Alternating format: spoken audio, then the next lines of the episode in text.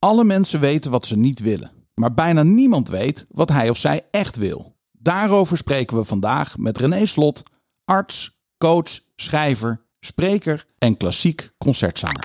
Welkom bij de Storybrand Podcast, waar wij geloven: if you confuse, you lose. Ruis in je communicatie is je grootste vijand. En het creëren van een duidelijke boodschap is de sleutel om je bedrijf te laten groeien. Dit is de Storybrand Podcast. Roeland, daar zijn we weer in de podcaststudio van Storybrand. Ja, dankjewel Daan. Een nieuwe week Zo is het. en een nieuwe opname. Ja, En vandaag ehm, gaan we in gesprek met eh, een huisarts, René Slot. Op ons pad gekomen, weer via ons netwerk. En ja, dan heeft hij ook nog een boek geschreven. Nou, hij lag hier de hele week op tafel, hè? klopt. Ja. Eh, de wil is een pijl. Met als subtitel bewegende richting die energie geeft. En ehm, we hebben het daar al een paar keer over gehad met elkaar. Ja, hoe weet je nou wat je wil? ja, dat is volgens mij de, de vraag der vragen, denk ik. Ja. En ik kan me herinneren dat jij laatst zei van ja, nou maar joh, ondernemers weten toch wat ze willen, want daardoor zijn ze, hè, ze gaan al een richting op. Ja. Maar René Slot zegt dus dat hij heel veel ondernemers ook spreekt die op een punt komen van joh, dan hebben ze een onderneming gebouwd, is dit het nou? Ja, precies. Dus Ja, blijkbaar- of, ja, of dan hebben ze een beeld hè, van, oké, zo gaat mijn leven eruit zien als ik die onderneming heb gebouwd. ja, En dan is het zover. En dan ja, hè, hebben ze dan de visie bereikt die ze voor ogen hadden. Of een doelstelling gehaald en zijn ze dan eigenlijk, ehm, hoe moet je dat zeggen? Zijn, ja, hè, zijn ze dan een beetje eh boord omdat ze denken van ja, dit heb ik nou geregeld, dus nu wil ik iets nieuws. Dan heb ik een nieuwe uitdaging nodig. ja, Of, hè, dat, dat zou natuurlijk ook nog kunnen, dat het, het beeld wat ze hadden, de, hè, de roman zoals ze het in hun hoofd hadden eh, gemaakt, dat die heel anders is in de werkelijkheid. ja. Ja, dat is een goeie. Ja, dit, dit, eh, hoe zie jij dat met, ehm, want hij heeft het in zijn boek over eh, denken, eh, voelen en willen. Wat, hoe ervaar jij dat in je eigen leven? Want, want eh, heel eerlijk, een van de dingen die ik wel aan René wil vragen is: van, hoe kom je nou uit je hoofd? Ja, Want ik, ik, ik vind mezelf wel een hartsmens, maar als ik heel eerlijk ben, zit het ook heel vaak in mijn hoofd. Nou, eh, extreem, ja. Ik krijg thuis wel eens het verwijt, dan hè, ben ik bij de keuken aan het opruimen bijvoorbeeld. En dan zit ik, eh, eh, eh, ik, ben, ik sta wel in de keuken, zeg maar. Ja. Maar mijn gedachten die zijn compleet ergens anders. En dan, dan kan, kan me drie keer een vraag gesteld worden. En ik, ik hoor het niet eens, want ik ben zo in die gedachten. En dat kan over werk gaan, dat kan over privé dingen gaan. Je kan helemaal in je eigen wereld zitten. ja, Dan ben je zo aan het denken. ja, En dan heb je soms even die, die nodig om er weer uit te komen. ja. Dat je denkt, oh ja, ik ben er weer. En moeilijk is dat soms. hè? Ja. Maar het is, om, het is soms ook zo bevredigend om heel erg te denken, vind ik. Ja, Het kan heel constructief zijn. Ik, ik- kijk, ik bedoel, eh, piekeren heb ik ook wel eens last van. Hè? Ik bedoel, zullen, zullen alle mensen, iedere luisteraar zal zich herkennen in het feit dat je wel eens zit te piekeren. Maar ik kan ook echt heel blij worden van al mijn denkprocessen. nou zeker. Omdat je, ehm, ja, als je wel die doorbraak vindt of je gedachten op een rij hebt gezet en daarmee de rust hebt gecreëerd waar je naar op zoek was, is dat natuurlijk een heel bevredigend proces. Ja, Alleen het verschil eh, is denk ik dat ehm, als je Hmm. dat te lang gaat doen of als je er niet uitkomt en je gaat maar iedere keer opnieuw, dan ga je malen inderdaad. Ja, dan ga je piekeren. ja, En dan ga je veel te veel in je hoofd zitten, terwijl het antwoord vaak voor je voeten ligt. ja en, en wat jij net beschrijft ehm, raakt mij wel. Want ehm, het, je leeft dan eigenlijk op dat moment ergens anders. Ja. En, en je mist dan eigenlijk wat er in je omgeving gebeurt. En je bent niet in het hier en nu dan. Mijn kinderen die kunnen voorbij komen rennen. En ik, eh, eh, ja, hè, ik, ik zie ze wel, maar ik zie ze ook niet. Nee. Nee, en het is, het is ehm, ehm, eh, ik heb hierna een afspraak en ehm, dat kun je met je hoofd benaderen, daar zitten en de informatie tot je nemen die gepresenteerd wordt. Of je kan er zijn. Ja, En bij zijn is het soms ook even het eh, bewuste moment creëren van oké, ik ga hier zo meteen naar binnen bij die afspraak, ik ga zitten en laat ik nou eens gericht zijn op die ander. Laat ik nou eens waarnemen, wat zie ik in die ogen, wat zie ik in die ander, wat gebeurt hier. En je veel meer bewust worden van het moment zelf. ja je, de emoties eh, toe- eh, naar je toe laten komen, zeg Ja. maar. Ja. En dat vind ik ook, hè, wij staan nu hier in de studio. Eh, we kijken elkaar aan, we staan tegenover elkaar. Hè, we kijken elkaar aan, we hebben koffie erbij. En nou, jij hebt je laptop openstaan met wat, met wat eh, aantekeningen. Ik heb hier wat blaadjes met aantekeningen en het boek liggen. Jij bent ook een werkpaard, hè? Ja. Je kan heel hard werken. Ja. En eh, 2 pk. Nee.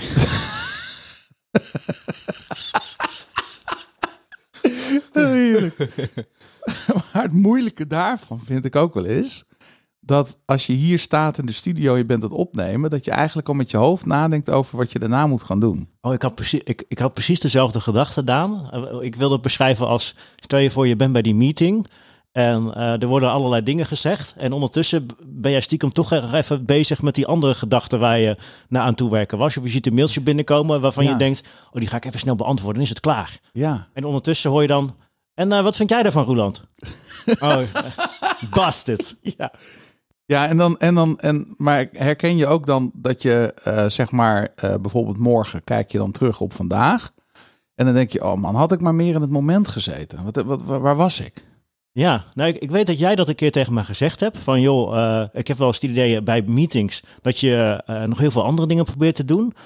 En toen dacht ik, ja, dat, dat, dat is soms wel zo. Dan denk ik dat het efficiënt is, Ja. maar je doet twee dingen half. Dus Ja. uiteindelijk kost het je veel meer tijd en energie. En ben je half bij een meeting geweest, dan heb je een half een opdracht afgerond. Ja. Daar heb je niks aan. Nee, en, nou, en wat je vanmorgen zei, we, we hadden het even over een eh, klant. En toen zei je van ja, we moeten daar gewoon dat voorstel. En dat was een klant waar afgerond project. En eh, daar, daar hebben we gekeken van joh, we, we weten dat wij nog veel meer voor die partij kunnen betekenen. Ja. Maar dat zien zij zelf niet. En toen zei jij van joh, maar een van onze kernwaarden, Daan, is fun. Ja. Als de klant de visie niet heeft en wij wel, dan wordt het gewoon geen fun. Dan heb je geen fun. Nee. En dat is denk ik misschien nog wel eh, wat je net beschrijft in zo'n meeting zitten en dat je dan efficiënt wil zijn. Ja, maar heb fun. Gun jezelf het moment. Ja. Ik ben hier en nu met de aandacht. Moeilijk is dat soms, hè? Ja, misschien een beetje een, eh, een bijzonder voorbeeld, maar eh, je hebt heel vaak als je dan moet inloggen, dan krijg je zo'n code toegestuurd.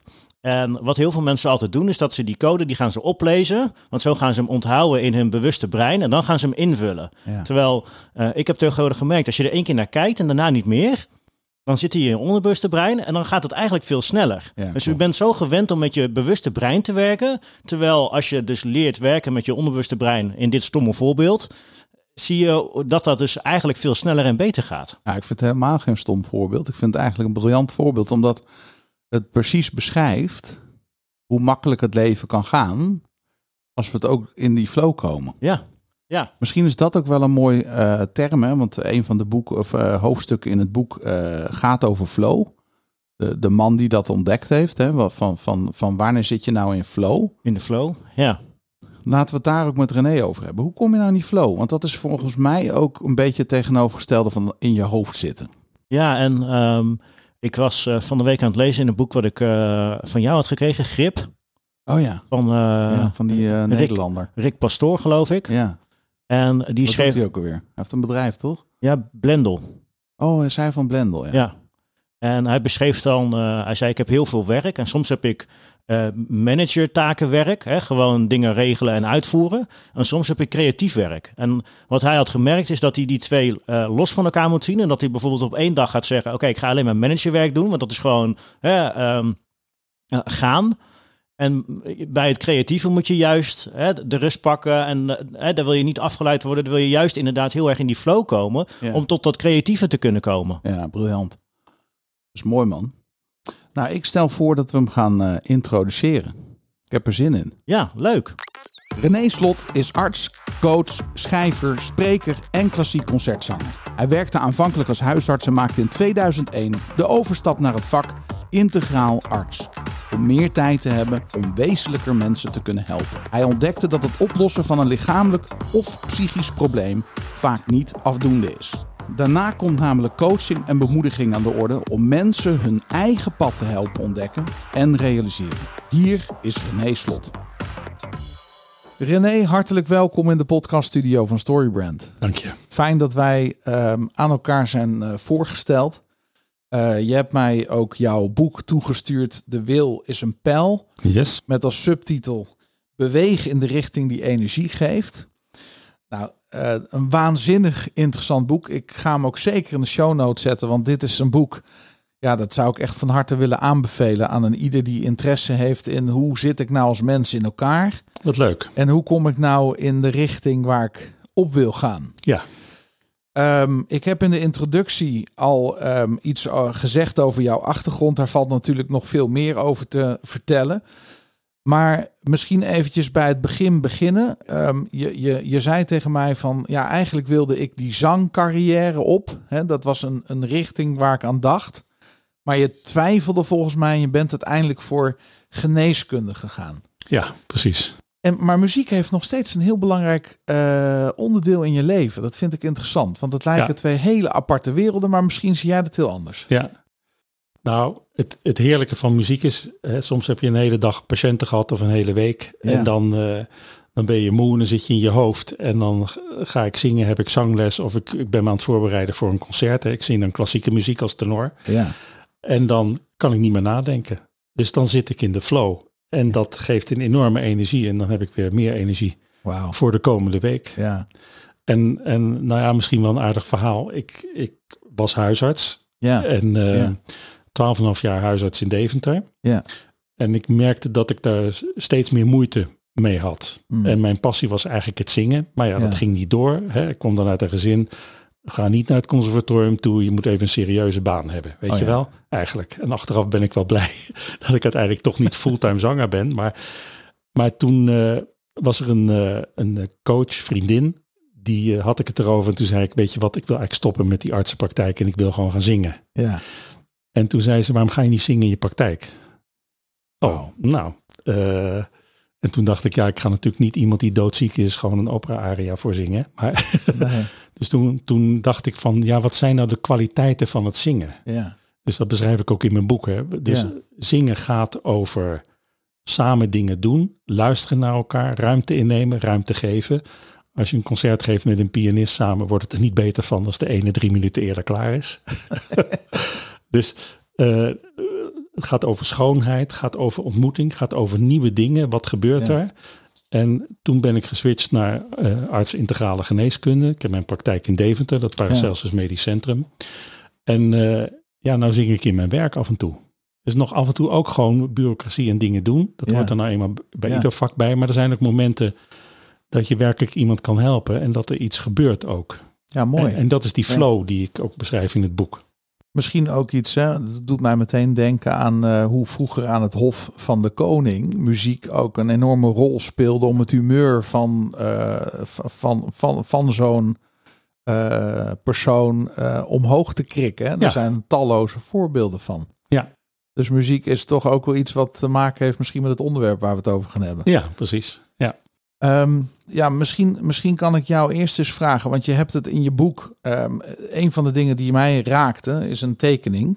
ja, En die tekening eh, voor de luisteraar eh, is een lemniscaat. Hè, dus eh, dat, dat voor degene die denkt, waar, waar heb je het over? Het is eigenlijk een acht. ja, precies. En die heb jij gelegd op het lijf van de mens. Dus ik Ja. zie hier een mens op de tekening en daarboven een acht. En die bovenste cirkel van de acht komt op het hoofd. Ja, Dan eh, waar eh, de acht weer een lusje wordt, daar zit hij bij het hart. ja, En dan is de onderste cirkel van de acht zit eigenlijk op de buikstreek. ja, En dan staat daarnaast op de hoogte van het hoofd het woord denken. ja, Ehm, dan bij het hart staat voelen.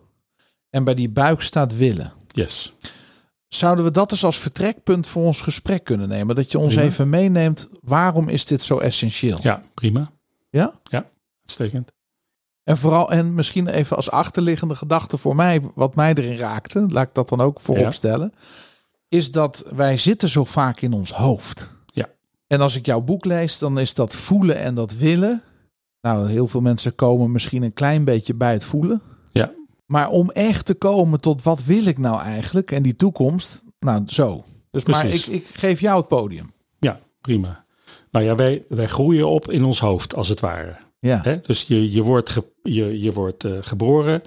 je bent eerst alleen maar enorm bezig met allemaal informatie te verzamelen. Je wordt als het ware gesocialiseerd. Hè? Dus je, je leert Nederlands. Ik kan wel zeggen van uh, ik, ik verzin mijn eigen Nederlands, maar dan, dan word je niet verstaan. Nee. Hè? Dus je, je bent heel erg met informatie verzamelen en die buitenwereld bezig. Ja. Dus hè, wat ik ontdekte met het hoofd in daarover na te denken, dat dat zijn eigenlijk vier processen die heel bewust zijn. Aan de ene kant zie je zintuigen, dus je neemt voortdurend informatie op. Ja. Wat je hoort, wat je ziet, noem maar op. Ehm, die informatie wordt gespoeld langs wat je zou kunnen noemen je database. Ja. Dus, dus je kennis, je ervaring. Eh, hoe je geprogrammeerd wordt op school. Daar is verder niks mis mee. Want je moet gewoon Nederlands leren en wiskunde en talen en wat dan ook. Ja. Ehm, dat die informatie wordt ook getoetst door een proces van analyse. Klopt het nou wel? Is het goed of niet? Ja. Dat is echt een denkproces. Ja. En dat leidt tot een oordeel of een conclusie. Dus dan is denken gewoon prima. Dus ik zie iets, bijvoorbeeld in mijn werk, dan, dan er komt een patiënt binnen en die heeft buikklachten. Nou, dan begin ik met het stuk informatie.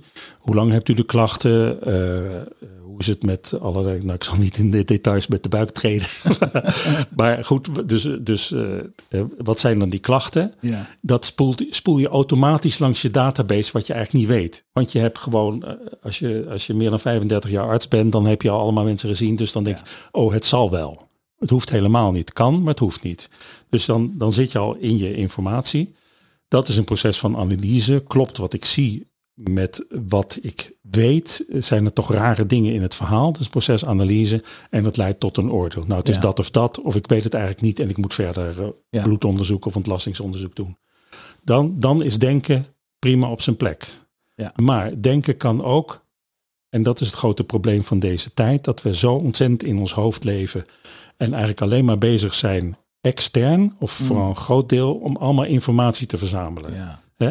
Dus, dus eh, ga maar eens in de trein zitten. Ik rij dan af en toe nog eens in de trein. Ja. En dan eh, zit iedereen gewoon eh, op zijn, zijn smart, smartphone gewoon te kijken. Ja. Dus het is geen dialoog meer. Nee. Hoorde ik ook van een bevriende huisarts. Die zei vroeger als ik in de wachtkamer kwam zaten mensen geanimeerd te praten. Tegenwoordig zit iedereen in zijn eigen bubbel. Ja.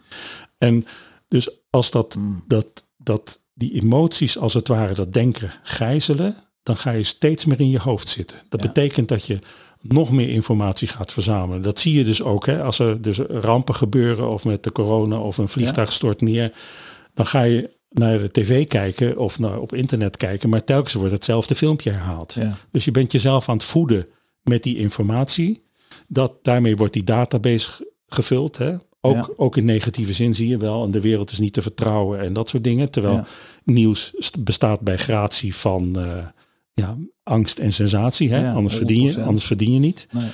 En, en tenslotte ga je dan eindeloos analyseren. En zo is het, oh god, en hoe moet ik dan leven?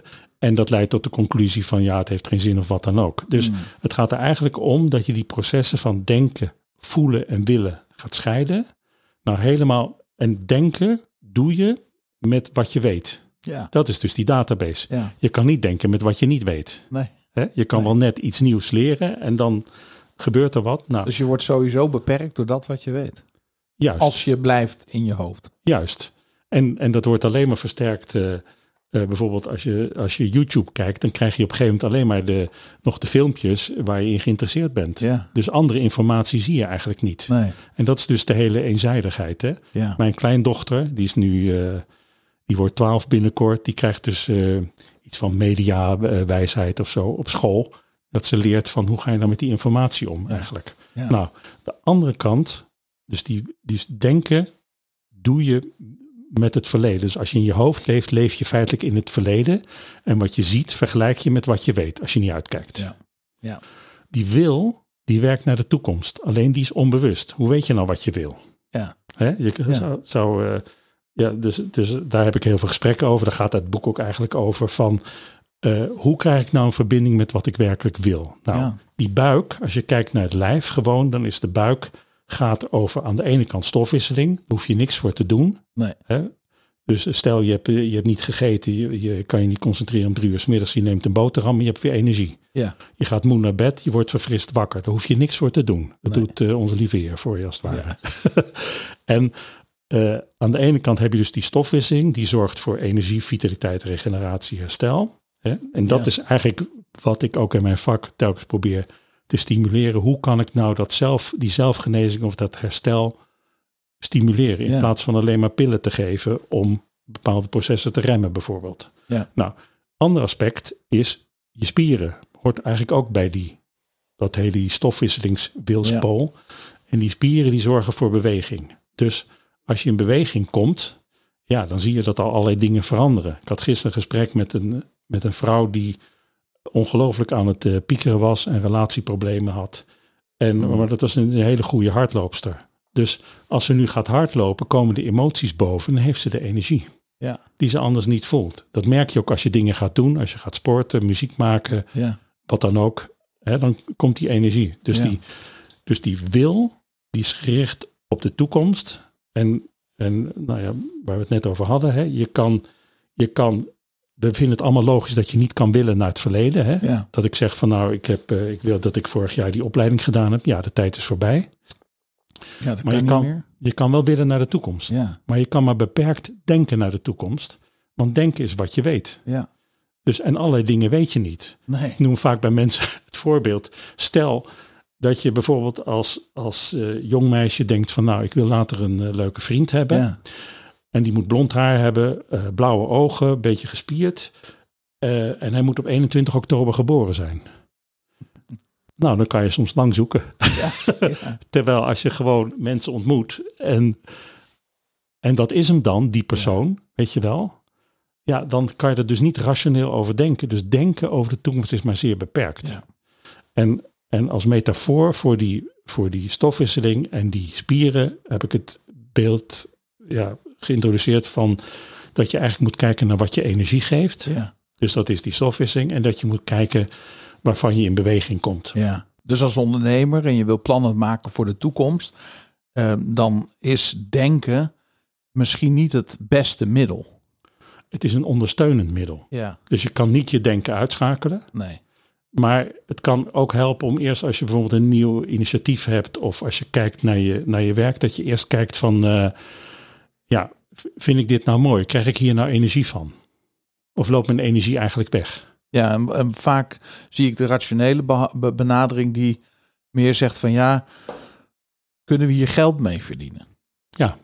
En dat is eigenlijk nadenken over de toekomst in plaats van word ik hier zelf blij van? Heb ik er zin in? Krijg ik er energie van? Ja, Het gekke is ook dat de dingen die je doet vanuit je hart vaak veel beter werken en dus ook meer opleveren dan de dingen die je met je hoofd hebt bedacht. precies. Tenminste, dat is mijn persoonlijke ervaring. Is, dat, Absoluut. is zit daar dat verschil? Ja, ik denk het wel. En dat is ook wat jij noemt met dat, eh, dat narratieve stuk. Kijk, ehm, als je een verhaal hebt, als je een verbinding hebt met iets Ja. wat voor jou waarde heeft, dan heeft het ook gelijk een emotioneel karakter. Ja, En dus tussen die twee polen van het, het cognitieve, het denken en het irrationele van ja, ik weet niet waarom, maar ik krijg hier energie van of geen energie van. Of ik merk dat ik actief word, plotseling allerlei dingen ga doen. Mm. ehm, zit dat voelen. ja, En dat voelen gaat over, eh, natuurlijk over emoties. Alleen, ja, wat ik heel interessant inzicht vind, is dat ik bewust ben in mijn denken. ja, Dat mijn gevoel maar vaak half bewust is. Ja. En dat wat ik wil, dat ik dat eigenlijk nog niet bewust ben. Ja. In het voorbeeld van die jongen. Want het kan best zijn dat ze een hele leuke vent ontmoet die bruin haar heeft. ja, eh, en wat minder gespierd is. ja, dus dus eh, het, het gaat er eigenlijk om in dat, dat, je, dat je toegang krijgt tot dat gevoel en dat, dat je eigenlijk alles mag voelen. ja. En daar hebben we heel veel angst voor. Sterker nog, wat ik heel veel merk in de. In de hè, ik, ze hebben dus consulten met mensen, integrale geneeskunde, Ja. met, met allerlei ziektes en dergelijke als aanvulling op het reguliere verhaal. Maar ik blijf Ja. wel gewoon dokter. Dus ik Ja. stel wel een diagnose. En ik ben ook nog bij geregistreerd enzovoort. Maar ik kijk ook van wat kan je nou aanspreken in die mensen in de vitaliteit, in het emotionele en, en in hun persoonlijke ontwikkeling en dergelijke. En dan zie je vaak dat er een ontzettende angst voor dat voelen is. En, en je mag feitelijk alles voelen. Alleen we zijn zo bang voor het gevoel en daardoor zitten we, hè, dus die, wat mijn theorie van dat voelen is, hè, je kent misschien die term van eh, eh, eh, boos, bang, blij, bedroefd. Ik geloof dat die term blij niet klopt in dit verhaal, Nee? want dat, nee, die, Oh. la- die laat vrij. En agressie, dus boos, bang, angst, eh, begeerig, lust en, en bedroefd, verdriet. eh, dat gijzelt je. Je kan niet meer aan iets anders denken. Nee. Dat merk je ook. Ik bedoel, je bent lekker aan het werk. Je Ja. krijgt een afschuwelijk bericht van iemand. En je zit gelijk in die andere lagen. Of Ja. je bent heel boos of heel verdrietig of angstig. Het zal toch wel goed gaan met mijn familielid of wat dan Mm. ook. Weet je wel, het denken wordt dan uitgeschakeld en gegijzeld door het gevoel. Ja. Ja. Dus die buitenlaag van dat voelen, die hebben we gemeen met de dieren. Hè? Dat zijn de Ja. overleefstrategieën. Ja. Dus dat, kijk, als het met een dier goed gaat, zit hij niet in die buitenlaag. Ook. Nee. Dat doet, is die gewoon des diers. Ja. Maar, maar als een dier zit, een anti, antiloop wordt aangevallen, ja, dan zit hij in zijn angst.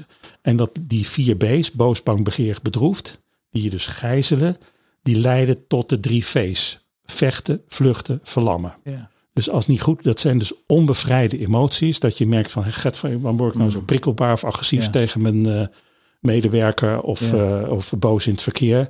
Hè? Ja. Van die mensen met een lage bloedsuiker, zwarte BMW's om vijf uur 's middags die je van de weg drukken. Mooi, mooi, mooi beeld. Ja, nou ja. En, en, dus, dus die vier, die vier B's die leiden tot de drie V's. Vechten, agressie, vluchten, terugtrekken, vermijden. En de allerergste is verlammen. Ja. Dus dan doe je helemaal niks meer. Dan ben je gewoon een eh, konijn in de koplampen van de auto. Precies, bevroren. Je hebt het ook in je boek over Steiner. Ja, Ehm, eh, daar heb je het ook over die vier lagen van bewustzijn. ja. Maar je, je, je, je, zou je dat stukje van Steiner nog eens willen uitleggen? Want daar zat voor mij ook een, een ik denk ook voor de luisteraar, hè, want dan heb je het ook over de, de, het mensbeeld en Ja. hoe, we, hoe, we als, eh, hoe we zakelijk ons bewegen. ja, precies. Dus als je kijkt, eh, bij de mens zijn wij als het ware burgers van vier werelden. Ja. Het fysieke stuk, het energiestuk, het emotionele stuk en het ontwikkelstuk. Ja. Dus ik heb het fysieke stuk in mij, de rots in mij. Dat zijn gewoon, eh, dat is het calcium in mijn botten eh, en het ijzer in mijn bloed, zeg Ja. maar. Ja. Hè, dat is, dat is het, het fysieke, maar dat is ook het DNA natuurlijk, al die zaken. Dat is ook de erfelijkheid in zekere zin. Ja. Een tweede niveau, wat we al niet meer kunnen meten in de geneeskunde, is het energieniveau. Ja. Althans niet in de reguliere geneeskunde. Nou, dat, dat, dat maakt het voor mij ook zo interessant om met jou dit gesprek te voeren. En eh, waarom eh, het westerse dogma waarin wij leven is toch alles moet logisch zijn en verklaarbaar. Precies. Ehm, maar als je alles logisch wil hebben en alles verklaarbaar in het wetenschappelijke domein, kom je nooit verder dan het lichamelijke, het aardse. Precies. Eh, want die drie lagen waar Steiner het over heeft, hè, dus de, da- daar kom je dan al niet meer. Die, vier, die drie boven, bovenlagen, zeg ja, die maar. energie nee, je dat, dan al niet. Nee, dus dan hebben we het maar over emoties. Of, of, eh, of eh, ja, iemand heeft zo, wij, veel, zo weinig energie. Ja. En het moeilijke is vaak het is natuurlijk, eh, ja, we, je, bedoel, je bent dokter, je doet een onderzoek, mensen hebben klachten. Je doet gewoon een bloedonderzoek, je doet, maakt een röntgenfoto bij wijze van spreken. Als je dan niks vindt, heb je geen antwoord. Ja. Terwijl er heel veel kan spelen in de vitaliteit. Dus het tweede niveau is het vitale stuk. Dat gaat over regeneratie, herstel. Ja. Ik heb al het voorbeeld genoemd dat als je in bed ligt en je wordt wakker, heb je energie. Of je Ja. neemt voeding, je hebt weer energie. Ja, waar komt dat dan vandaan?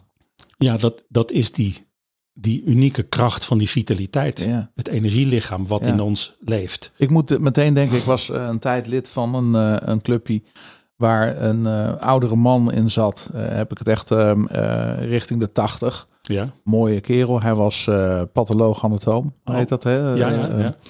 En, en, en hij zei, Pim heette die, ehm, hij zei, ja, ik, ik ben toch ehm, op latere leeftijd gaan geloven dat er meer is tussen hemel en aarde dan wat ik misschien in mijn jonge jaren precies. bedacht. Ja. En ehm, ik heb hem natuurlijk gevraagd eh, van, van, maar wat, wat waarom, hoe, hoe komt dat? Ja. Wat is er gebeurd in jouw leven dat je nu daar anders over denkt? Hij zegt, ik zal niet zeggen het is God. Nee. Ik durf niet te zeggen dat ik een gelovig mens ben geworden. Maar ik durf wel te zeggen, zei hij, er is meer tussen hemel en aarde dan het waarneembare. Absoluut. En, en, en hij eh, zegt, dat heb ik in mijn vak kunnen constateren. Ja. Dat lijf, dat is niet, hè, want dat zeg je ook wel eens, hè, ja, dit is hem niet meer. Dus daar zat Ja, ook dat stukje energie. ja, precies. Waar, Absoluut. daar Ja, mooi. over. Mooi. Dus, dus dat tweede niveau is de energie. Derde niveau is, dat, is het voelen, het emotionele stuk. Nou, dat hebben we gemeen met de dieren. Ja. Hè? Dus, dus een, eh, Ja. Het, het, het eerste niveau is daar als het ware de rots. Het tweede niveau is de plant. Die heeft niet zoveel bewustzijn, maar die groeit gewoon. Tegen alle onlogische principes Ja. te- in, zeg maar. Waanzinnig interessant trouwens, want ehm, ik las van de week dat, eh, dat ze een zaadje hadden gevonden in een pot. Dat lag ergens begraven. Dat zaadje was eh, duizenden jaren oud. En ze hebben dat opnieuw geplant. En daar is een boom uit voortgekomen Ja. die al zoveel jaar was uitgestorven. Ja, bizar. Ja, prachtig. Dus dat plant, hè, dat kracht van dat plantje. Ja, ja, onvoorstelbaar. Nou ja, dus dat derde niveau is eigenlijk hoe je met je emoties omgaat. Maar dat, dat is ook in die zin niet alleen je eigen gevoel, maar dat gaat ook over je relaties. Over je contacten met anderen, over het hele sociale aspect. Over, ik heb natuurlijk veel gesprekken met mensen die dan lijden aan andere mensen. Maar feitelijk geven ze die ander veel te veel ruimte. En geven ze geen ruimte aan zichzelf. Dus dat is een soort afwisseling dat je moet leren ruimte in te nemen en ruimte te geven. Ja. En het vierde niveau is het ontwikkelstuk. Dat zijn die vragen, waartoe ben ik op aarde? Of wat, hè, dat klinkt dan wel erg zwaar, maar wat kom ik hier eigenlijk doen? Ja. Dus ik, ik ben dan wel, wel, wel dokter, of weet ik veel wat, of, eh, of eh, marketingman, of wat dan ook. Ja. Maar wat drijft mij nou? Weet je wel? Ja. Dus, dus dat, en je bent een burger van die vier werelden. Dus, dus hè, ik heb net een stuk voor mijn patiënten geschreven. Dat gaat eigenlijk over dat een goede diagnose, diagnosis. Dus het weten tussen de lagen is eigenlijk schaken op vier borden. Dat je vanuit een soort evidentiebeleven kijkt van wat is nou eigenlijk het fysieke probleem, wat is het energieprobleem. En eigenlijk geldt dat voor alles wat leeft. Dus Ja. ook een bedrijf. Ja. Je kan ook kijken wat is het fysieke stuk van het bedrijf. Ja. Wie werkt hier? Hoeveel geld is het? Wat zijn de materialen? Wat zijn de processen? Dat soort dingen. Je kan kijken naar het energiegebied. Hoe zit het met, is er voldoende geld? Is er vitaliteit? Kunnen we onder, ondernemen? Hoe voelen mensen zich? Is er voldoende energie op de werkvloer? Derde is het emotionele stuk. Geven we elkaar de ruimte? Ja. Kunnen we samenwerken? Maar hoe is de perceptie van anderen naar ons? Dat zit, het hele marketingstuk zit hem in dat gevoelstuk. Ja. En tenslotte heb je het bewustzijn of ontwikkelstuk. Waar staan we hiervoor als bedrijf? Ja. Wat vinden we belangrijk? En als je dan, wat je net noemde als voorbeeld van, ja, ik beperk mezelf tot alleen maar dat geld verdienen. Mhm. Dat is soms ook alleen maar gewoon overleefstrategie vanuit het angst en in je hoofd zitten. Dat je bang bent dat je gewoon geen geld hebt. Ja. En dus eigenlijk niet meer durft te ondernemen. Nee, dan ga je de zekerheid zoeken die je niet hebt. Ja, precies. Ja, ja het is wel, eh, is, eh, eh, doet me denken aan de opmerking die we natuurlijk wel eens maken. De ziel is eruit. Ja, precies. En dat kan bij een mens zijn, Ja, maar dat kan ook in een zaak zijn. ja, En die twee hebben dan ook weer met elkaar te maken, hè? want de, de, de vent is de tent. Hè? Eh, Ja, ik precies. bedoel, als, die, als die ondernemer zelf emotioneel helemaal niet lekker in zijn vel zit, ga je het Nee. absoluut proeven als je binnenkomt zonder dat er een woord gezegd is. precies. Ja, Ja. Waanzinnig interessant eh, stuk is dat. Als, Ja. je, ehm, als je nou, hè, als ondernemer zitten we ook vaak in ons hoofd. Precies. Want, want we zitten te piekeren. We zijn aan het denken. We, eh, en soms is het niet piekeren, maar wil je gewoon de problemen oplossen door er heel hard over na te denken en creativiteit. Dat is ook vaak waar kracht zit hè, in dat Precies. denken. Ik bedoel, je kan Ja. het heel goed gebruiken zoals je net beschreef bij het stellen van een diagnose. Ja, precies. Maar we weten denk ik allemaal dat er ook iets is van een belemmerende overtuiging, hè, wat ook weer met denken te maken heeft en, en, en, en zo. Soms kom ik niet verder met mijn denken. Soms is het niet eh, vruchtbaar. Precies. Hoe kom je nou uit dat hoofd, wat we misschien wel flow noemen, hè, waar het opeens stroomt en gaat en dat je denkt, ik, we kunnen de hele wereld aan met ons, met ons team. Precies. En soms ben je dat helemaal kwijt. En dan hoe harder je het probeert om het te krijgen, hoe verder het van je wegloopt. Precies. Ja. Hoe komen we als ondernemer Nou ja, uit ons hoofd? Kijk, het, kijk, het punt is, ehm, we leven natuurlijk in een tijd met heel veel eh, wetenschap en analyse van processen en statistiek en metingen en marketingsuccessen en dat soort dingen. Ja. Eigenlijk. Ja. En dat is maar een deel van de werkelijkheid. Want als ik iets verzin waar iemand razend enthousiast over wordt, dan hoef ik niet eens een marktonderzoek te doen, Nee. bij wijze van spreken. Dus Nee. het gaat eigenlijk ook om dat je jezelf meeneemt. Kijk, vergeet niet als je in je denken zit, waar we het over hadden, hè, dat, dat zijn die vier processen: informatie verzamelen, spoelen langs de database, langs wat je weet, Ja. het eindeloos analyseren en het leiden tot een oordeel. Als die database verder niet gevuld is, als die database te beperkt is en je probeert de problemen op te lossen met wat je weet of wat je kan, ja, gebeurt er niks nieuws. Nee. Hè, dat, is, dat is die uitspraak van Maslow ook. Als, een, eh, als je goed bent eh, met een hamer, is ieder probleem een spijker. Ja, ja. Hè, dus, dus het gaat er ook om. het dat wordt je- een zelfvervullende profetie. Ja, precies. Omdat je binnen een kader zit. Ja, en, en je moet dus vooral proberen om die, eh, zeg maar, om die angst eh, te vermijden. Kijk, het helpt gewoon om die buitenlaag van die ziel af en toe stil te zetten. Dat gepieker en dat, dus juist die angst. Eerst moet je het bewust worden. Ja. Dat vond ik een van de, als ik nou, ik ben nou zo lang dokter, maar een van de meest fascinerende ontdekkingen vind ik nog steeds. Dat je, eh, of tenminste wat ik dan las en waar ik het mee eens ben, is dat je je gevoel eerst bewust moet worden om het los te laten. Wauw. Ja, je kan het nooit loslaten als je het niet kunt benoemen. Nee, en wat wat laat je dan los? Ja, en wat doen we? We vluchten weg voor dat gevoel. Ja. Dus je gaat in de drank of eh, aan het gamen of eh, het internet of Ja. nou, noem maar op. Het zijn genoeg Alles wat excessief is. Ja, precies. Dat soort dingen. Dus het gaat er eigenlijk om dat je dat toelaat. Ehm, ja, ik ben een grote fan van de Sedona-methode. Ja, daar kan je allemaal dure cursussen voor kopen, maar je kan het ook gewoon opzoeken. dan, dan laat je, dan, dan, het interessante daarvan is dat je kijkt, wat is nou die gedachte van, eh, oh god, ik had het toevallig vorige week met een collega gedaan voor de lol Ja. in een café. Toen we het hadden over de geneeskunde en de wereld en alles. Ehm, ook iemand mijn leeftijd ongeveer. En ehm, dus dan, dan had hij een gevoel van emotie van, eh, van boosheid of zo, bij wijze van spreken. Ja.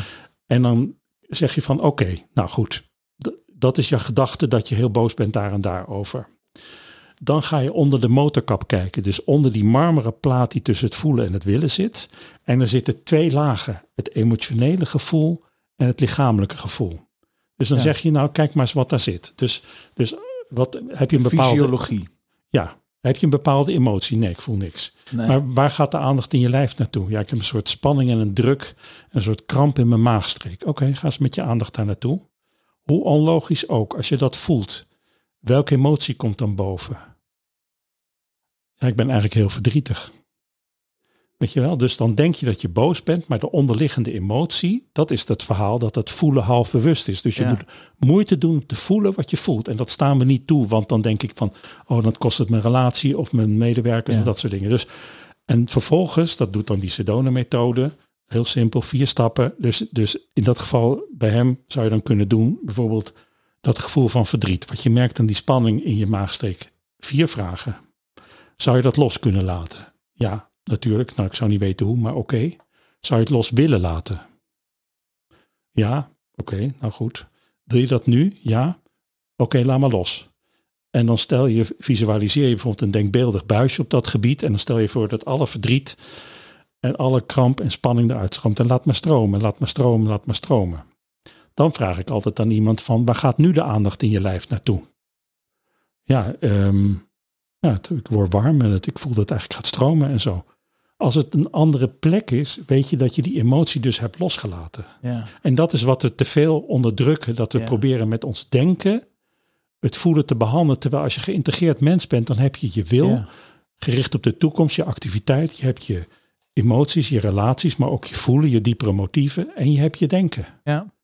Dus denken is niet alleen denken, maar je bent een, het is een dynamisch systeem wat tussen die drie lagen zit als het ware. Waanzinnig interessant. En ik, ik, ehm, ik zou bijna willen zeggen tegen de luisteraar. Als je op dit stukje van wat jij net deelde weerstand voelt, Ja, is dat super logisch. ja, Want als we zo getraind zijn in het cognitieve en in het hoofd zitten, ja, vinden we onze eigen emotie en gevoel heel gauw zweverig, moeilijk, ingewikkeld, eng en noem maar op. Terwijl Ja. de bevrijding aan de andere kant ruimte geeft om te ondernemen en juist, te zijn. precies. Ja, En dat je dan ook durft te voelen van, eh, ja, zo die, die waar we het straks over hadden, hè, dat gut feeling. ja, Ik weet niet waarom, maar nou, wie weet, daar zit wat of zo. Dat je Ja. verbindt of zo. ja. Ja, met deze, ze- deze, met deze partij moet ik niet in zee gaan. Ja, precies. En kan ik het verklaren? Nee. Nee, Maar mijn gevoel zegt dat. Juist. En het is Eh, heel belangrijk om dat serieus te nemen. Ja, ja. En dat is een stukje waarvan ik zie dat heel veel ondernemers gewend zijn om ernaar te luisteren. Ja, Hè, want dat hebben we toch ook wel enigszins geleerd van dat onderbuikgevoel. precies. Eh, Gut feeling noemde je het net, eh, René. En, maar dat, dat, dat is dan nog even op het zakelijke perspectief van moet ik iets wel of niet kopen, doen, investeren, et cetera. Ja, En ik, ik, ik vind het interessant, hè, want we zijn in de eerste plaats natuurlijk mens en niet ondernemer. precies. Het is ja, een rol. Precies, ja. Dus, dus terug naar de hele basis van de mens zelf. Durf dit nou ook eens te doen in je eigen gevoel. Los van of er zakelijk eh, iets van afhangt. Precies. Want daar zit volgens mij in de kern ook nog wel een diepere laag die we kunnen bereiken. Waardoor het ondernemen ook makkelijker gaat. Ja, mooi. Ja. Ja.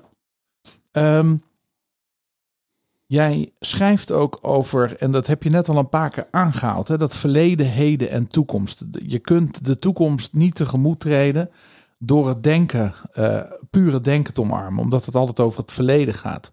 Ja. We hebben het net even gehad over dat gevoel. Ehm, ik heb twee vragen. Eh, de, de, de eerste vraag gaat even over het heden. Hoe Ja. komt het dat wij zo vaak in het verleden of de toekomst leven en niet in het hier en nu? Ja, Dat is een vraag die ik heel graag aan je wil stellen. En de tweede vraag is: oké, en als ik dan in het heden leef, hoe kan ik dan dat ondernemerschap combineren met die toekomst? Hoe kom ik in een goed plaatje van die toekomst? Hoe kom ik in? Want met het denken alleen ga ik het niet redden in die, in die toekomst. ja, Zullen we met die eerste beginnen? Prima. Dat, dat Ja. heden. ja.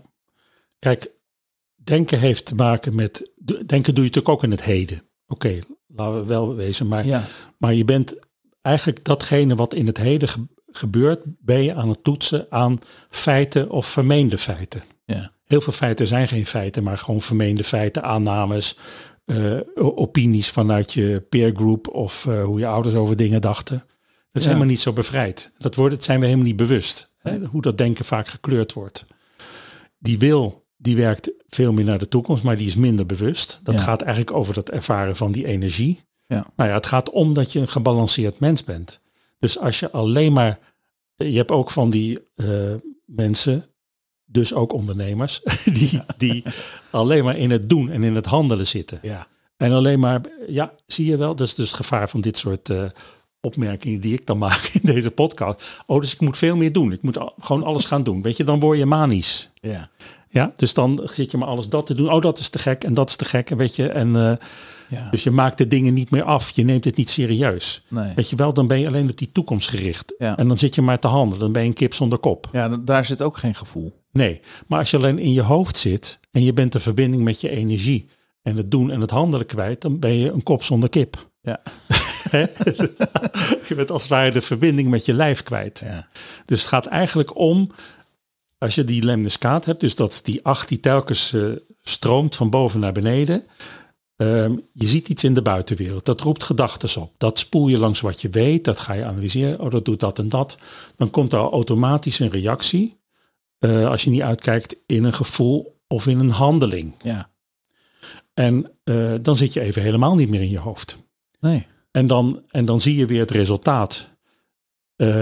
En dan leid je weer tot een oordeel. Kijk, het interessante is, eh, en dat, ehm, ik noem het altijd het mannelijke en het vrouwelijke principe. Ja. Dus je hebt eh, vrouwen die heel erg het mannelijke principe hebben en je hebt mannen die het vrouwelijke principe hebben. Ja.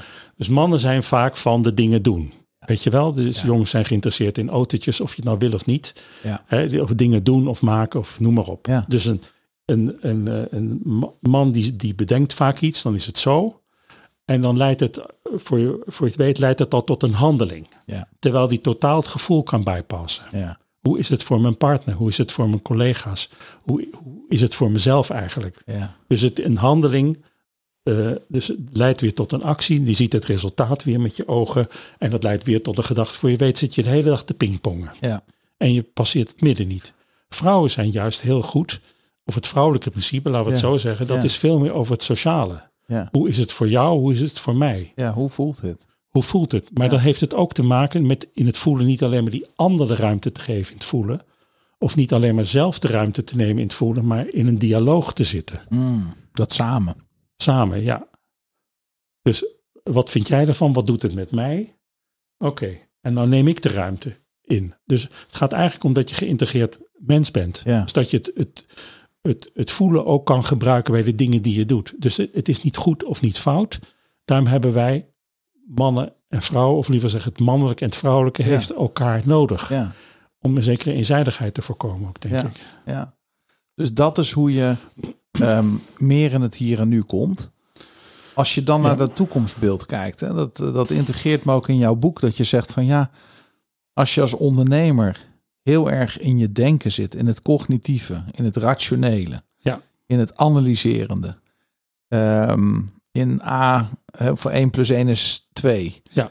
Ehm, en je gaat vanuit die benadering naar de toekomst kijken, doe je zelf per definitie tekort. Ja. Want dan, dan neem je alleen mee wat je weet Precies. naar een onbekende toekomst. Ja, precies. Dus dan schep je al kaders in de beperkende sfeer, terwijl er misschien een heel andere toekomst ligt. Hoe, hoe, hoe heb jij dat zelf ervaren? Want jij hebt natuurlijk ook een paar keer in jouw leven, nou een paar keer, in ieder geval van wat ik weet,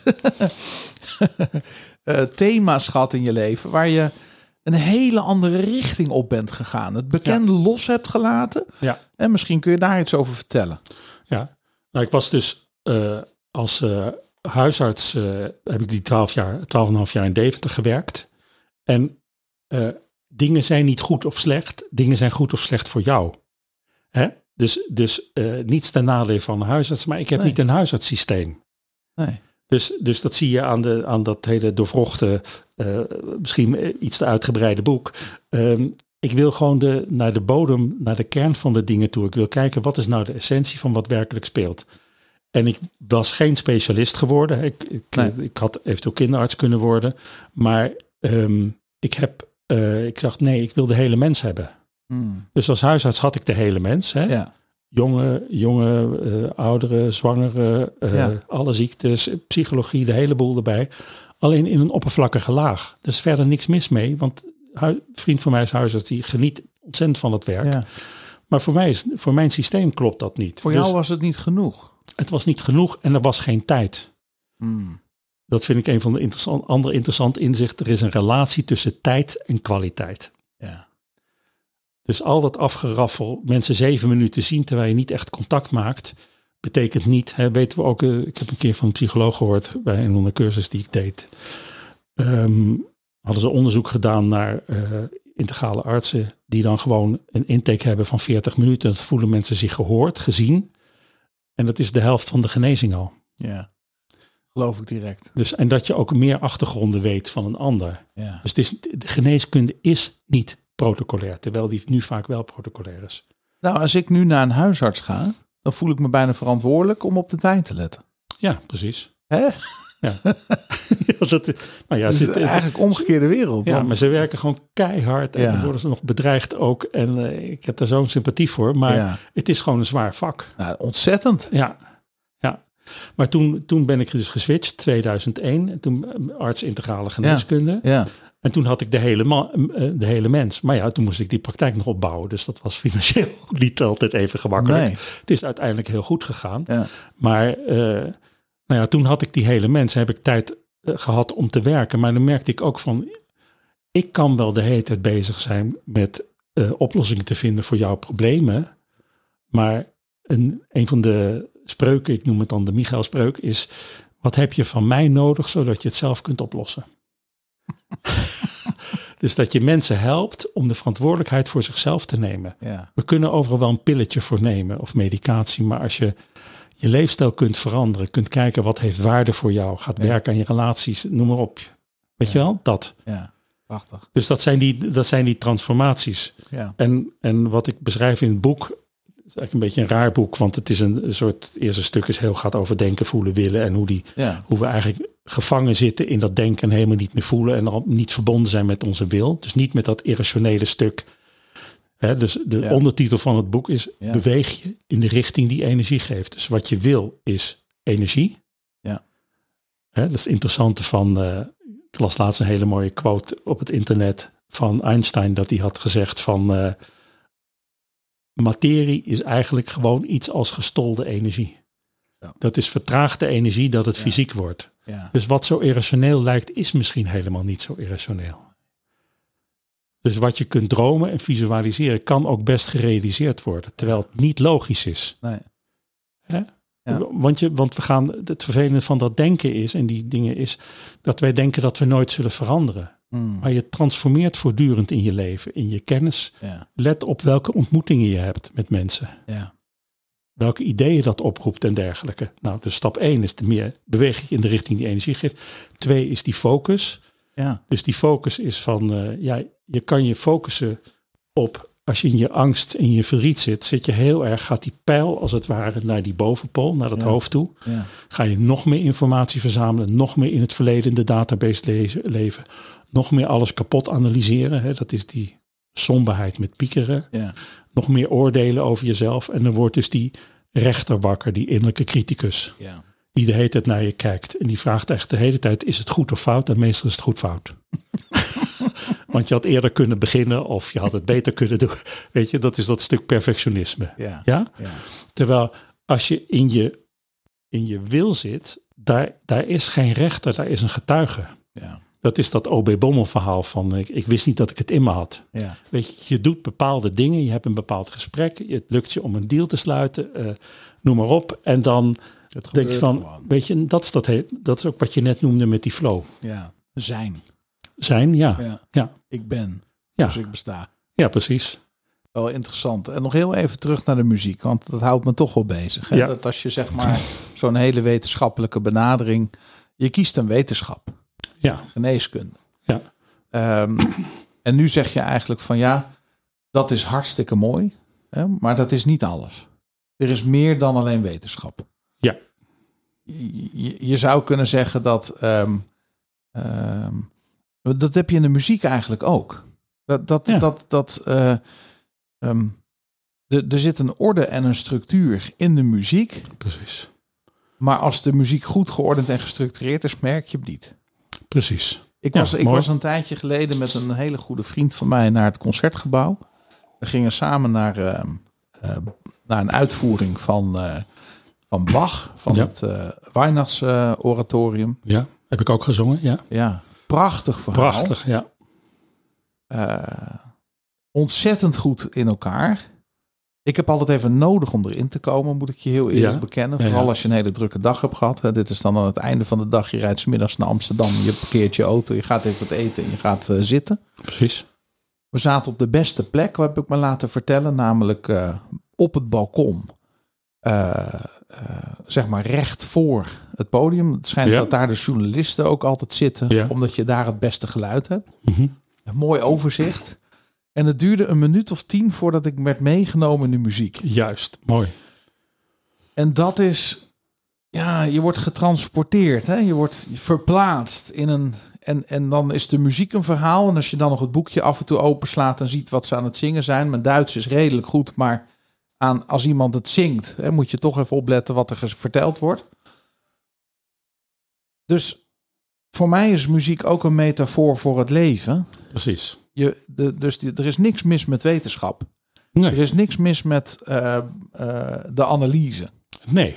de, de orde, de structuur, het ritme. Ja, M- maar alleen de orde, de structuur en het ritme, dan missen we nog de melodie. precies. Ja, En die melodie is voor mij dat gevoel wat daarin moet, eh, waardoor, het, waardoor het dragend wordt. ja, helemaal mee eens. Ja, Ja, hoe, hoe, hoe doe jij dat op punten in je leven waar je juist even een switch aan het maken bent? Dus, dus zeg maar eh, een kruispunt, een beslissing. ehm, ehm, eh, ja, Ad van der Huls zegt altijd: de, je hebt de orde en de chaos. ja precies. En die zijn allebei nodig om in een creatief proces iets te bereiken. Ja, Dus ja, als je even het patroon moet doorbreken in je leven om een nieuwe keuze of een nieuwe richting in te maken, krijg je automatisch een stukje chaos. Dat is ook als je gaat verhuizen, heb je dat is misschien ook een mooi voorbeeld. Hè? Dan krijg je Ja. eerst chaos ja, voordat je weer orde krijgt. Ja. En hoe zorg je er nou voor want als ondernemer heb je voortdurend met veranderingen te maken en inspelen op Precies. veranderingen. Hoe, hoe kun je dit, eh, hè, die, als je de muziek even als metafoor mag nemen, hoe kun je nou zorgen dat je, want je bent dan even de balans kwijt. Ja. Hoe kom je dan weer in balans? Nou, wat ik mooi vond wat je net zei, is ik, eh, ik ga naar zo'n concert toe. En het duurt 10 minuten voordat ik aanwezig ben. Ja, ja Dus dat- ongeveer. dus- ik weet het, ik heb het niet bijgehouden, Nee, maar, maar het, duurde echt even. Ja, maar dat, dat betekent dus dat hoofd moet eerst uitschakelen. Dus de kunst is eigenlijk dat wij allerlei oordelen hebben, meningen die innerlijke criticus rechten hebben in dat denken. En waarbij we eigenlijk niks nieuws zien, alleen maar onszelf zien. Ja. En, eh, en eigenlijk gewoon die, die, die ramen die, van die autoruit niet schoon hebben om te zien wat er verder nog mogelijk is. Ja. Dus dat is voor mij ook als ik een, als ik een concert geef of, of eh, ik heb een goede zangles met de pianist erbij, dan, ehm, dan kan ik niet meer denken. Kijk, Nee. kijk, het punt is ook, eh, ik heb een heel hoofdstuk in het boek heb ik gewijd aan flow. Ja. Dat is dat eh, onderzoek van Csikszentmihalyi, hè, de man, man met onmogelijke naam. Dat is die eh, hoogleraar psychologie die dat eh, flow-principe ontdekt heeft. Heeft laten mensen, heeft hij gewoon een, van die piepers meegegeven. En kregen af en toe een piepje, moesten ze opschrijven wat ze aan het doen waren. Of ze in de flow waren. Die, dat flow-principe is fascinerend en is echt een manier om ook terug te komen. Dus flow betekent dat er een match is tussen uitdaging en capaciteit. Mm. Dus, dus de, de verticale as is de uitdaging, de horizontale as is je capaciteit. Dus, en daartussen zit, zit op, eh, zeg maar op, eh, op eh, 90 graden zit een, zit een, eh, een balk, zeg maar, dat is dat flowgebied. Ja. Nou, als je bijvoorbeeld, als we dat voorbeeld van die muziek nemen. Een klein kind, die, die eh, van eh, vier jaar, hè, hè, Ja. of, of, eh, of mijn kleinzoon van, eh, van twee, die zit bij, bij, bij ons met de piano te spelen. Nou, het is niet echt heel aantrekkelijk, maar oké. maar die raakt in de flow. Ja. Gewoon door die toets in te drukken, ja, weet je wel. Dus de uitdaging is nul, want hij kan ook niks. Nee. Of, of tenminste, het, het, het, het is niet veel wat hij doet. Het is, hij moet ook niks moeilijks doen. Nee. En de capaciteit is nul. En toch kan je in de flow raken. Ja. Dus op een gegeven moment ontwikkel je kwaliteit en meesterschap. Dus ehm, ik, ik ben deels oratoriumzanger, maar mijn grote Ja. passie is de liedkunst. Schubert, Schumann, noem maar op. Ja. En ehm, dus je kan dingen op een bepaald niveau zingen. Dus dan kan je een bepaalde uitdaging aan. Eh, dus je hebt de capaciteit voldoende en je kunt die uitdaging aan. Ja. Als je dan iets zwaars gaat zingen, nu, hè, Ja. dus ik ben bezig Requiem Verdi te studeren. Nou, er zit een hele hoge B in of een bes. Dus, nou, niet echt lekker. Eh, dus dan raak je uit die flow. Ja, dan is dus de uitdaging hoger dan je capaciteit en dan kom je in het stressgebied. Mm. En eh, dus dat kan je ook met je, met je werk hebben als bepaalde dingen niet lukken. Ja. Ja. Dus de, als de stress bo- boven dat niveau van die flow komt, zit je in het stressgebied. Ja. Het omgekeerde kan ook het geval zijn. Dat je bijvoorbeeld heel goed bent in je capaciteit. Dus je capaciteit is hier, maar de uitdaging is nul. Ja. Dus stel je bent eh, eh, concertpianist gevlucht eh, uit de Gulag-archipel of zo. en je hebt dan nu een baantje als pianist in het Hilton Hotel. Ja. Niks ten nadele van pianist in het Hilton Hotel. Maar als je concertpianist bent, is dat toch lastig. Ja. Als je Rachmaninoff speelt met grote orkesten. Ja. Dus die uitdaging is dan te gering voor je capaciteit. En dan zit je in de min-stress. Wat minstens zoveel stress is. Ja. Dus dan krijg je boredom en verveling en faalgevoelens en dergelijke. Ja. Dus je, daar, daar gaat het erom dat je kunt switchen. Dus, Ja. dus als jij heel veel stress hebt met bepaalde dingen, dan kun je een aantal dingen doen. Je kan iets anders doen waar je minder stress in hebt. Ja. Of je kan je capaciteit verhogen, dat je weer lol hebt in die uitdaging. En wat is die flow situatie? Dat je hartstikke veel energie hebt, je kunt niet nadenken, de tijd gaat sneller, je levert de maximale eh, kwaliteit en dan komt die getuige weer aan de orde. Namelijk dat je, hè, ik wist niet dat ik het in me had, dus dat je ziet van hé, hey, ik doe dit nu. Het is eigenlijk Ja. toch wel heel bijzonder dat ik dit kan. Ja. Dus dan hoef je niet meer na te denken. Een topviolist hoeft Ja. niet meer na te denken hoe hij die vingers neerzet. Nee, die denkt aan een mossig bos in Oost-Groningen in oktober. Precies. En dan verandert de klank gelijk. Ja. Het is ongelooflijk interessant. Het is het verschil tussen produceren en creëren. Juist. Ja, Juist. want je bent dan eigenlijk iets aan het. eh, nou, je, je, achteraf kun je het bekijken. Dus het zou een schilder zou het ook kunnen hebben. Dat hij iets op het doek zet. Precies. Waar die, als, als die die, die, die eh, sierlijke beweging heeft gemaakt. En even afstand neemt van het doek. Dat hij zegt, wauw, Ja, creatie. ja. En dat is een irrationeel iets. Ja, En dat is dus het punt Ja. dat, er, dat we een soort oordeel hebben dat alles logisch eh, van A naar B naar C moet zijn en rationeel. ja. En het leven is gewoon niet rationeel. Nee, dus je gunt eigenlijk iedereen irrationeel leven. Hè? Nou, ik gun een geïntegreerd mens. Dat je de rationaliteit gebruikt, eh, dat je Ja. de irrationaliteit gebruikt, ook in je werk. Ja. Hè? Het, het mooiste, mooiste eigenlijk met je werk is dat je dat werk doet waarvoor je zou willen betalen om het te mogen doen. Ja, Voor mij is dat zingen, ja, ja, maar soms ook zingen in de praktijk. ja. Echt heel mooi. Ja. Tot slot. Ja. Ehm, want we kunnen hier nog uren over doorpraten. Yes. Dat voel ik aan alles. En, en, en misschien moet ik je gewoon bij deze uitnodigen om nog een keer terug te komen. Heel graag. Want we hebben Leuk. nu met name dat eerste stuk van je boek behandeld. Terwijl dat tweede minstens net zo interessant is. Ja. We hebben het af en toe even geraakt. Ehm, twee vragen die ik altijd heel graag stel. Ja. Eén. Als alle billboards in Nederland een dag van René Slot zijn. wat zou jij dan als boodschap mee willen geven? Wat zou je erop zetten? De uitspraak die ik heel graag zelf bedacht heb, maar van Nike is just do it. Mooi. Gewoon doen. Door Ja, alle, doen. Je ziet wel, als het niet lukt, nou ja. Hè, dat vond ik ook wel mooi van Tony Robbins. Had ik vroeger nogal eh, veel, veel van die bandjes geluisterd en zo. Dat hij zegt, niet vallen is falen, maar niet opstaan is falen. Ja, ja, Hè? Gewoon doen. ja, ja, mooi. Ja. Just do it. Gewoon doen.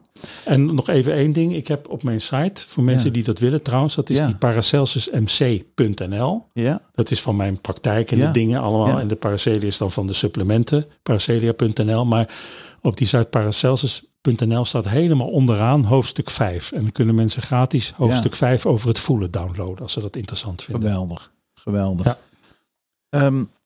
René, we gaan sowieso, ehm, en dat zeg ik ook tegen de luisteraar, luisteraar, ga naar de show notes. Daar vind je alle informatie hoe je in contact kunt komen met René, waar je zijn supplementen kunt kopen, ehm, eh, waar je zijn boek kunt bestellen.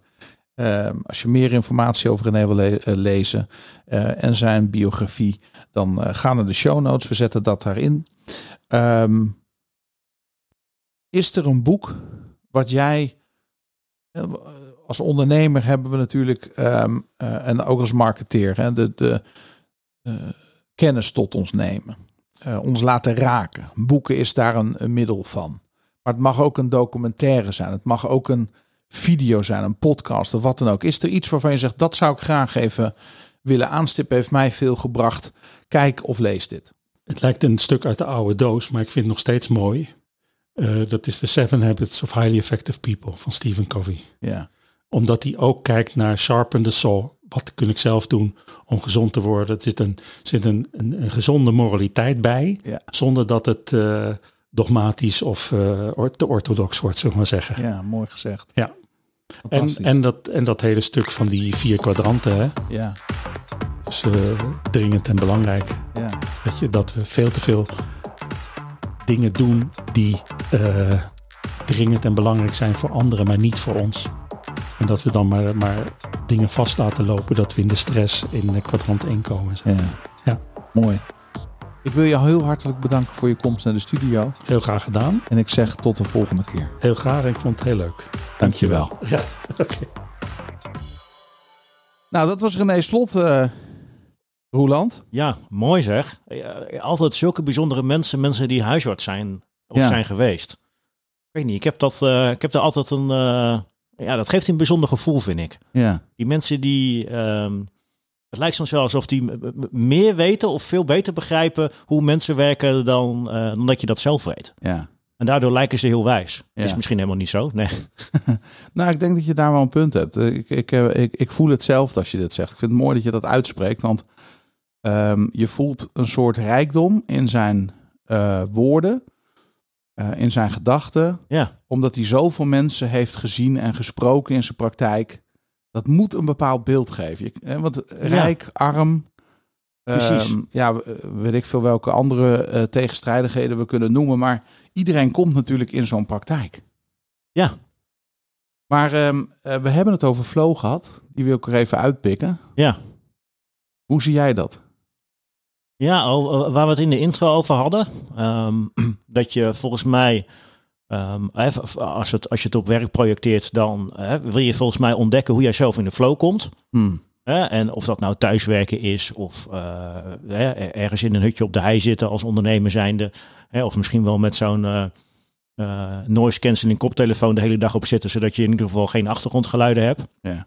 Dus dat is denk ik eh, één, zou, zou voor mij zijn ook, ga ontdekken hoe je in die flow komt. Hmm. En eh, als je daar een keer in bent geweest, dan wil je eigenlijk ehm, weten hoe je daar gekomen bent. Dus welk recept dat heeft gehad, zodat je daar makkelijker naartoe kan gaan. Ja. Want het, het, het voelt misschien een beetje als een soort creativiteit de- waar je soms wel of, wel of soms niet in terecht kan komen. Dat het een soort toevalstreffer is. En ik, ik denk dat je dat kan trainen. Dat je er heel makkelijk naartoe kan gaan. Het, ik, ik, weet een voorbeeld van Tony Robbins. Die had het over ehm, een, een, een golfspeler. Die, eh, die, die kon heel goed golf spelen. En eh, ehm, die, die wist dat hij, als hij die bal op een bepaalde manier zou raken, dan kon hij een hole-in-one halen. En het was hem maar heel lang niet meer gelukt. Ja. En eh, Tony stelde alleen maar de vraag van, joh, ga even naar het moment hè, en ga dan kijken, wat deed je allemaal precies? Welk gevoel had je erbij? Hè? Dus ook op de, al die emoties zitten, om weer in diezelfde staat te komen, dat je dat kan doen. Wauw. Ja. En dat is natuurlijk, dat weet je waarschijnlijk niet. Hè? Dus dat is de ontdekking om daar weer achter te komen. Ik geloof hier zo in. Kijk, een computer heeft ehm, memory. Ja, En de eerste computer had heel weinig. Dat ging in KB's. ja, En, en toen kregen we MB's. En toen kregen we MBits. En eh, we hebben nu computers met heel veel geheugen. Ja. Eh, De supercomputer is, eh, heeft een rekenkracht. Daar kan je niet tegenop. Maar de mens heeft natuurlijk ook memory. Tot op celniveau heb je geheugen. Ja. Dus wat jij beschrijft, moet ik meteen denken van ja man, ik kan me helemaal voorstellen als je je toestaat om te voelen en te ervaren wat die flow was, dat die memory, dat je die eigenlijk aanboort en dat die gewoon uit dat geheugen de informatie haalt om op het scherm te verschijnen. ja. Dat is cool man. Ja, en eh, wat ik ook wel een mooi voorbeeld vind, dat herken je denk ik ook wel als fietser zijnde, is dat je als fietser zijnde kan je ook zeg maar in zo'n flow komen dat je gewoon, Ja. je hebt niet meer door dat je aan het trappen bent. Het kost voor je gevoel ook geen energie. Nee. En eh, hey, je bent zo een paar kilometer verder, eh, voor je het weet eh, 20, 30 kilometer verder, zonder dat je door hebt dat je gefietst hebt. Ja. Dan zit je in die flow. Ja. En aan het begin, dan, heb je, dan wil je naar die flow toe. Maar dat lukt niet altijd. Nee. En dan kan, ik, hè, ik, ik heb wel eens dat ik zagrijnig op de fiets. Dat ik denk van ja, maar ik fiets helemaal niet lekker. Dus ik, ik heb het liefst zin om nu terug naar huis te gaan. Ja. Terwijl als je dan nog soms een ommetje gaat maken, dan kom je er wel. Ja. Ja. Soms moet je door weerstand heen. Ja, En, en, en ik herken dat enorm, hè? want jij wielrent, ik mountainbike. En ik doe ook wel eens stukken mountainbike gewoon verharde weg. Om, om juist in die flow te komen. Want dat heb je, je hebt een andere flow in het bos. Ja. Daar zit ook een flow in, hè? want dan heb je die single tracks. En dan ga je eh, op en neer en noem maar op. Kan je ook helemaal in een flow komen.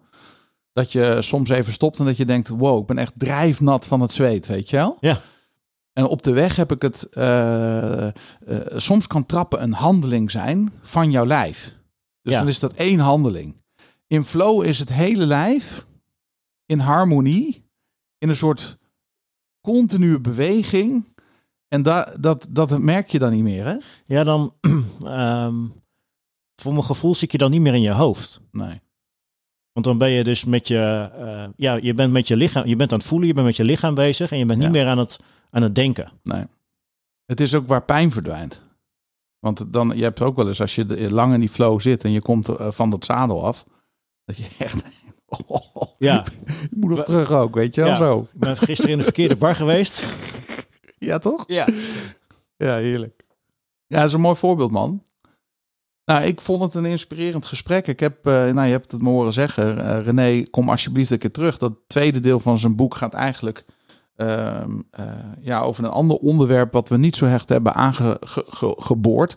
Dus ehm, ja, eh, René, als je dit hoort, ehm, laat het even weten wanneer je kunt. En dan gaan we er gewoon nog een opnemen. Het is waanzinnig interessant om weer eens met een heel ander mens te praten.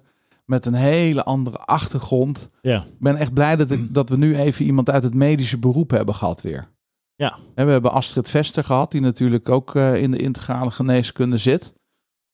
En ehm, nou, zo, eh, zo, waar ik nog wel van droom is om ook wat gasten te krijgen uit. Hè, want eh, dat, daar deed het mij aan denken bij René, die natuurlijk concert, of, klassiek concertzanger is, tenor. Het lijkt me ook nog wel mooi om mensen uit die wereld hier in de, in, in de studio te hebben. Bijvoorbeeld een dirigent, hè, die moet toch ook in een gigantische flow kunnen komen om. Hè, dan moet je ook helemaal één worden met de muziek. Ja. Een dirigent zou ook nog wel interessant Ja, zijn. fantastisch. Ja, lijkt me heel fascinerend om dat te horen van eh, Ja. hoe, hoe dat werkt. En we hebben best een paar hele beroemde Nederlandse dirigenten. Dat zou ik nog wel interessant vinden. Ja. Of bijvoorbeeld muzikanten. Muziek, ja, hetzelfde van. Ja. Ik, ik Bijvoorbeeld denk- een topviolist of zo. Of, Ja. een, of een ballerina. ja. Ja, mo- ja, dat zijn echt van die beroepen waar je, als je niet in de flow zit, Nee, of daar niet komt. nee. En Ja. wat kunnen wij als ondernemer of marketeer leren van al dit soort kunstenaars, noem ik het maar even. Ja. Schaaf.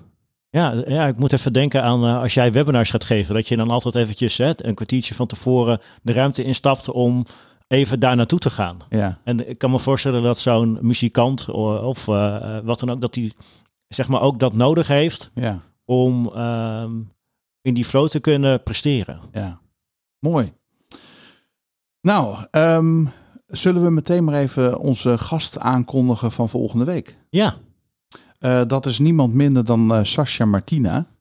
En we gaan het met haar hebben over diversiteit op de werkvloer. Eh, iets waar zij haar bedrijf, eh, waar, waar zij met haar bedrijf eh, andere bedrijven, organisaties moet ik zeggen, behelpt. Your Talent Agency. Ehm, ja, een onderwerp wat we nog niet echt hebben besproken in deze podcast. Dus ik ben heel benieuwd waar dat, op, waar dat toe gaat leiden. ja. Welke inzichten dat met zich mee gaat brengen. Ja, Ja. leuk. En ehm, mocht je ehm, deze podcast luisteren, laat ons dan eventjes weten wat je ervan vindt. En dat kun je doen op een hele simpele manier. Ga naar je favoriete platform. Eh, dat kan Spotify of Apple zijn of Google. En eh, geef ons even een review. Laat het even achter. Dat zorgt ook dat we beter gevonden worden door anderen. En zo kan de podcast groeien en bereiken we mensen met een positieve boodschap. Dankjewel. Roland, tot volgende week. Tot volgende week, Daan.